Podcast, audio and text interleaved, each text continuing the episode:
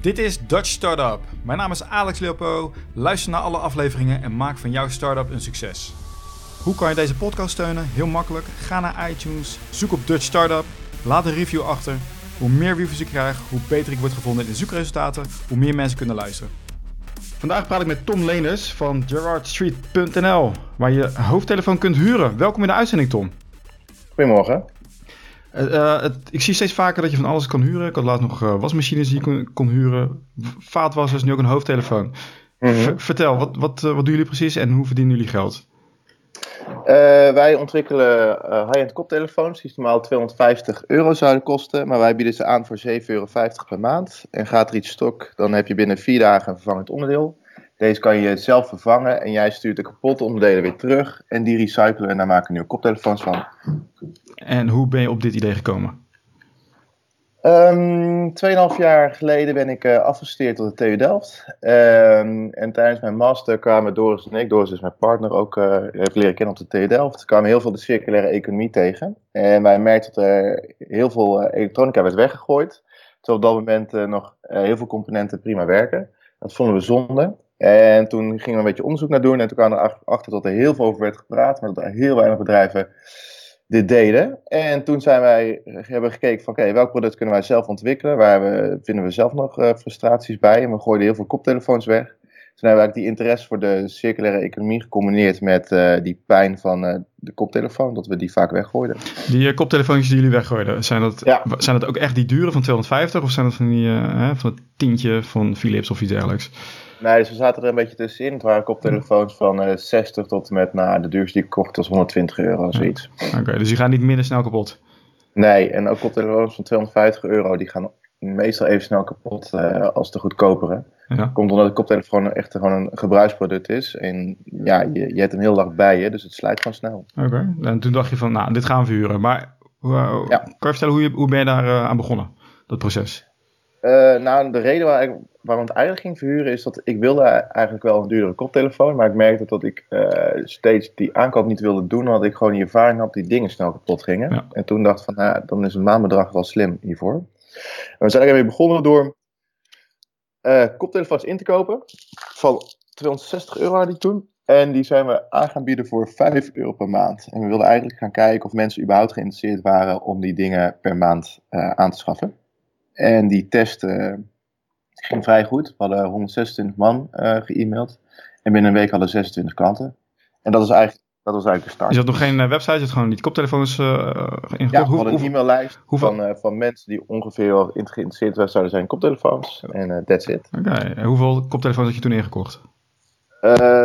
nou, dat was vrij duur voor ons. Dus we hadden eerst een subsidie binnengehaald via Climate Kick, 10.000 euro.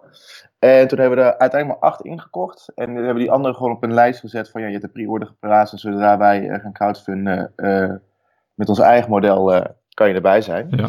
En toen hebben we met die acht hebben we eigenlijk gewoon gebruikstesten gedaan. Van nou, hoe vind je het nou? Ervaar je nou of die echt van jou is, ja of nee? tegen wat voor problemen loop je aan? Dat soort dingen. Kijk, en als je leuk. Climate, even kijken, wat was het nou? Climate Kick. Climate Kick. Hoe heb je dat ja. voor elkaar gekregen? Om daar 10.000 euro van los te krijgen?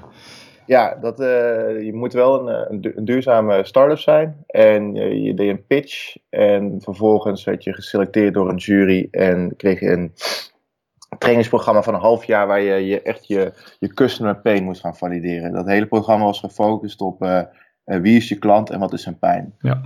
En, dus, maar je bent gewoon heel goed in pitchen. Hoe heb je, hoe heb je gewonnen? Nou, we waren niet de enige. We, volgens mij uit een groep van 40 man waren we er uit mijn hoofd 12 gekozen. En we hadden inderdaad wel een goede pitch. Doris, die is uh, visueel ontwerper, dus de, de pitch zag er zelf heel gelikt uit. En we hadden gewoon veel tijd aan besteed. Dus we hadden wel echt heel goed voorbereid. Oké, okay, 10.000 binnen. Dus die koptelefoons die jullie gekocht hebben, dat waren gewoon nieuwe, dat waren geen gebruikte? Nee, er waren nieuwe, ja. En we konden wel een klein deeltje krijgen via een distributeur om een beetje korting mee te krijgen. Maar dat was voor ons heel duur om in te kopen. En toen we eigenlijk al snel, nou, wil je dit businessmodel draaiend krijgen, moet je ze eigenlijk zelf gaan produceren, zodat je marge kan behouden op, op je product. Ja, oké. Die e-maillijst, hoe zijn jullie daaraan gekomen?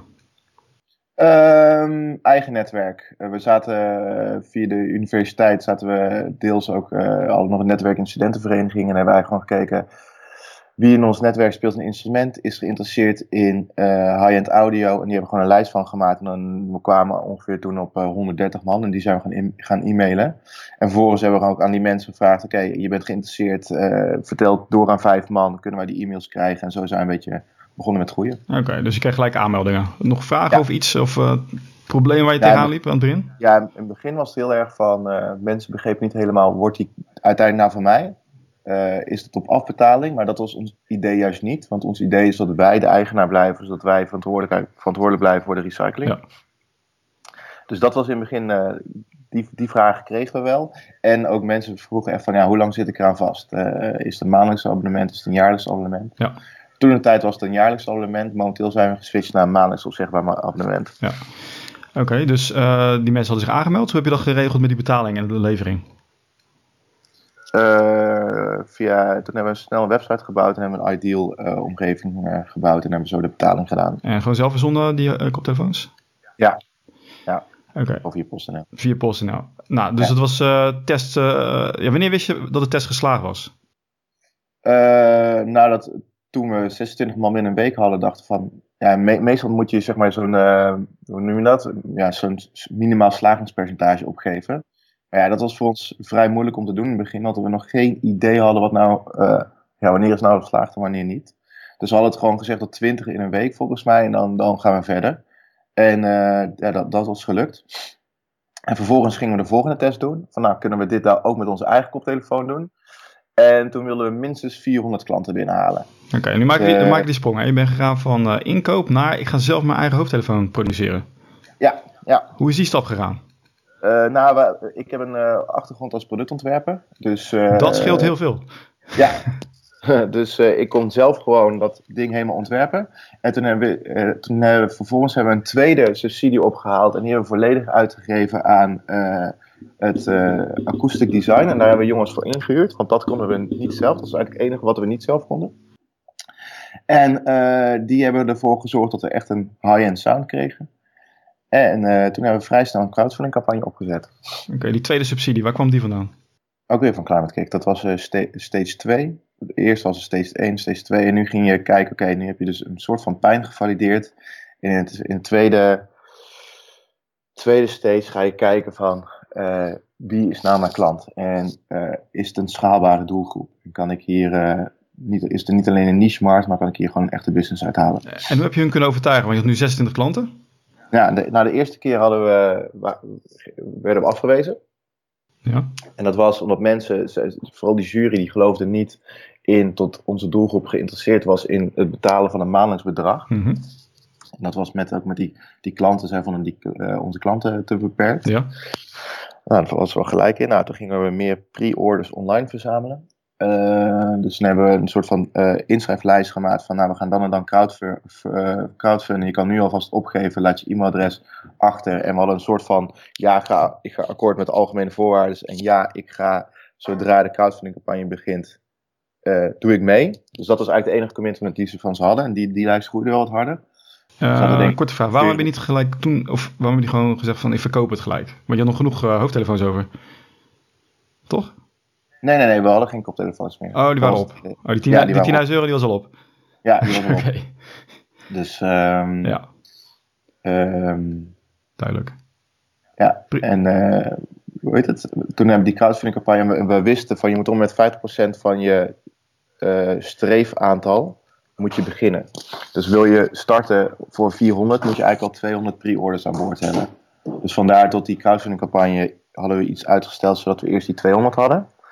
En uiteindelijk om die jury te overtuigen, hebben we gewoon echt huidige klanten geïnterviewd, hebben we opgenomen en hebben we gewoon gevraagd, oké, waarom doe je dit nou? Wat is jouw pijn? Kan je uitleggen voor ons waarom je uh, wel voor dit model zou gaan en waarom je niet voor een normale koptelefoon van 250 euro zou gaan? En dat hadden we allemaal opgenomen en dat hadden we in die pitch verwerkt en toen waren ze eigenlijk wel overtuigd. Oké, en wat kwam eruit? Wat zeiden ze? Nou, deel 1 was van, nou, eentje vergeleken met de koop van een spijkerbroek. Die zei van, uh, ik zou zo 250 euro neerleggen voor een spijkerbroek. Dat is echt een no-brainer voor me. Maar als dat uh, met elektronica is het echt een no-go. Er zitten dingen in waar ik, uh, die ik niet begrijp. Het is uh, een soort van fuzziness zit eromheen. Ja.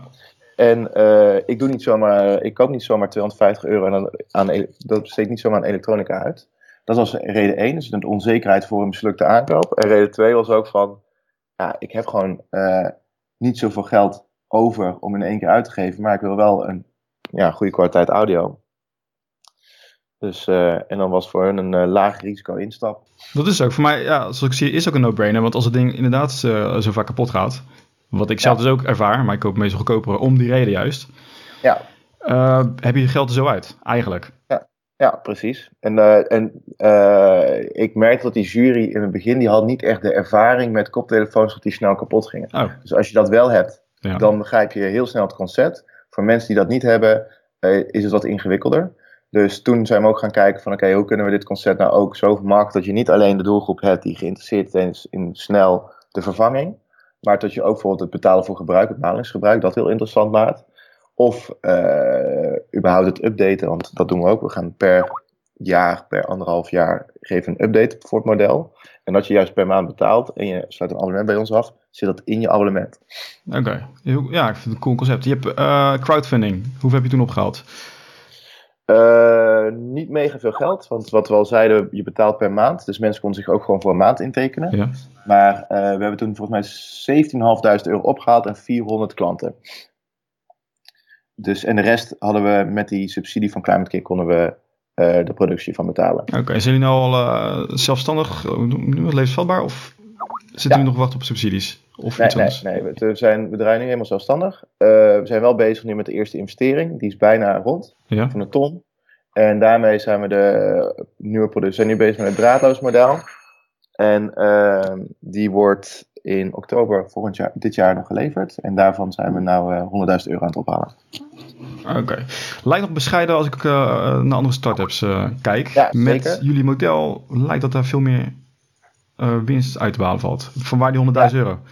Uh, omdat we nu merken dat we nog weinig weten over onze churn. Van hoe snel klanten eruit uh, stoppen met het model. En wat onze acquisitiekosten nu zijn op schaal. Ja. En we willen eigenlijk even ons model nog een half jaar draaien. Voordat we een grote ronde op gaan halen. Ons uh, doel is om eind van dit jaar tussen de 6 en 8 ton op te halen. Oké, okay. hoeveel procent valt nu af? We zitten nu op 2% churn. Oké, okay. weinig dus. Maar jullie zijn, hoe lang Ja. wanneer jullie begonnen? In juni pas. In juni pas. Dus, uh, en een deel daarvan zit nog op een jaarcontract. Dus dat is een beetje een vertekend beeld, denk ik. Oké, ik heb uh, ik je bundels. Ja.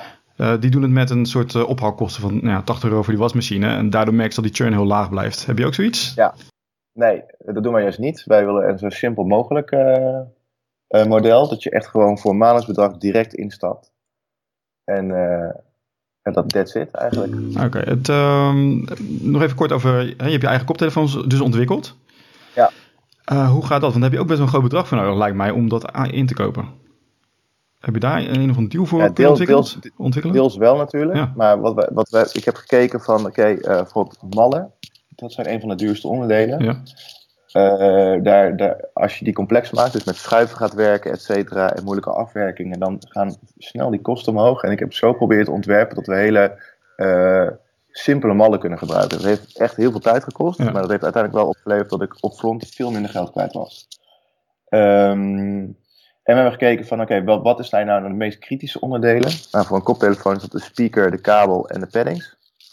En daar hebben we gewoon, uh, daar hebben we gewoon een hoge kwaliteit van ingekocht. En voor de rest hebben we gewoon gekeken van oké, okay, uh, welke onderdelen zijn minder belangrijk voor de geluidskwaliteit. En daar gewoon scherper op begroot. En wie maakt, uh, wie repareert dit allemaal voor jullie?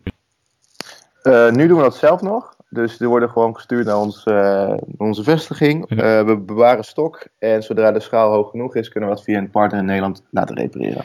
En hoeveel procent wordt al teruggestuurd? Uh, ik denk dat we nu uiteindelijk met 700 klanten nu 300 reparaties hebben gedaan. Uh, vooral paddings en kabels. Dat is heel veel. Ja. Dat pleit voor jullie product. Ja, eigenlijk. Oké, okay, uh, schaalbaar naar wereldwijd? Dit? Ja. uitdaging nu is denk ik, we focussen voor dit jaar nog op Nederland. Volgend jaar willen we of naar Londen of naar Berlijn uit gaan breiden. We moeten even kijken welke stad het meest voor de hand ligt. Het enige uh, moeilijke met opschalen nu is de logistieke keten. Uh, uh, vanuit Nederland alles verzenden naar Londen en Berlijn, dat is niet te doen. Want die kabels, dan zijn de verzendkosten bijna duurder dan de productie van de kabel zelf. Ja. Ehm, en daar willen we even een slimme oplossing voor vinden voordat we naar het buitenland gaan. Oké. Kan natuurlijk met een klein hubje daar. En dat je iemand daar inhuurt die eh, voor jou alle verzendingen doet en de logistiek. Ja. Dat soort dingen. Ga je nog uitbreiden naar andere producten? In elektronica? Ja, we zijn, we zijn nu voor aan het kijken. Onze, onze planning nu is om binnen nu en vijf jaar in Noord-Europa te liggen. En zodra we voldoende cashflow hebben opgebouwd, ik denk dat dat na vier jaar zou zijn, kunnen we beginnen naar een ontwikkeling van een tweede product. En we zijn nu een beetje een strategie aan het vormen naar wat voor type product dat zijn. Aan de ene kant zijn we aan het kijken naar slijbare audioproducten. Moet je denken aan oortjes of bluetooth boxjes of speakers die je veel in het, in het huis heen en weer kan bewegen. Ja. Dus echt nog bij de audio blijven. En een andere eh, strategie is om toch eh, te gaan voor een product met wat meer impact. En dan moet je denken aan een telefoon of een laptop. Maar dat zou ik eerder in samenwerking doen met een technologische partner dan dat we dat zelf gaan doen. Oké, en wat doen jullie nu aan marketing om te zorgen dat je klanten binnenhaalt? Ehm, nou, wij testen nu nog momenteel heel veel. Ja. Wat ik zei, we weten nog niet eh, heel goed eh, hoe duur een klantenacquisitiekosten zijn. Eh, hoe we dat momenteel doen is door. We hebben nu vier doelgroepen eh, gevonden. En we zijn eigenlijk met kleine bedragen eh, verschillende boodschappen aan het targeten op die doelgroep. Hoe doe je dat? Facebook? AdWords? Ja. Facebook. En binnenkort gaan we beginnen met AdWords. Maar wij merkten tot op koptelefoon huren of koptelefoon kapot. Daar wordt heel weinig op gezocht. En de AdWords van koptelefoon die worden echt gedomineerd door JBL, Coolblue en eh, dat soort partijen. Dus dat is heel lastig om tussen te komen. Facebook is een stuk makkelijker. We zijn ook bezig nu om te kijken met Instagram, met influencers eh, en ambassadeurs. En wat, wat krijg je nu terug uit Facebook als je een eh, reclame erop zet? Of, Hoe duur een klantacquisitie ja, is? wat is nu? Eh, een pre-order ligt ongeveer rond de 5 à 6 euro nu om aan te sluiten. En de, een nieuwe klant, dat varieert echt enorm. Moet je echt denken tussen, tussen de 5 en 30 euro. Dus eh, Mm, daar, ja. daar zijn de resultaten nog veel te wisselend voor. Om daar echt conclusies nu uit te trekken. Heeft dat te maken met de soort reclame, timing, idee waar het aan ligt? Eh, ik denk dat het mee te maken heeft met eh, het specificeren van de juiste doelgroep waar je op target. Wij, wij zien nu dat als je eh, koud een doelgroep benadert, bijvoorbeeld die geïnteresseerd is in high-end audio en die allerlei koptelefoons liken, dus een beetje echt een audiofiel, dan zijn die sales nog vrij duur. Maar wanneer je target op mensen die je binnen hebt gehaald met content, dus bijvoorbeeld een leuk filmpje hebt eh, gepost of een leuke post hebt gedaan, daar liken mensen op. En die liken je pagina vervolgens. Nou, daar eh, conversie op draaien is al een stuk, stuk goedkoper. Oké, dus eh, training as you go. Gaaf. Hey Tom, we zijn aan het einde aangekomen. Ik vind het een heel leuk idee. Ik denk inderdaad dat het een no-brainer is. Dus ik ben benieuwd hoe dit gaat. Bedankt man. Ja, wij gaan eh volgende, wij gaan mei- in mei be- gaan we beginnen met een crowdfunding campagne voor die draadloze. Dus ik zou zeggen, hou het in de gaten. Als je nog een goede draadloze koptelefoon zoekt. Oké, welke platform? Eh, One Planet Crowd. En ook gewoon via onze jersuite.nl kan je ook gewoon naar die... eh, Alle links komen op de pagina terecht. Dus mensen die hier luisteren, ga kijken op de... klik een linkje aan en doe mee aan de crowdfunding. Top. Hey, bedankt. Hey, fijne dag. Doei doei. Allemaal hartelijk bedankt voor de reviews die ik heb gekregen. Wil je de podcast ook helpen? Ga dan ook naar iTunes en laat daar ook een review achter. Hoe meer reviews ik krijg, hoe beter de podcast wordt gevonden in de zoekresultaten.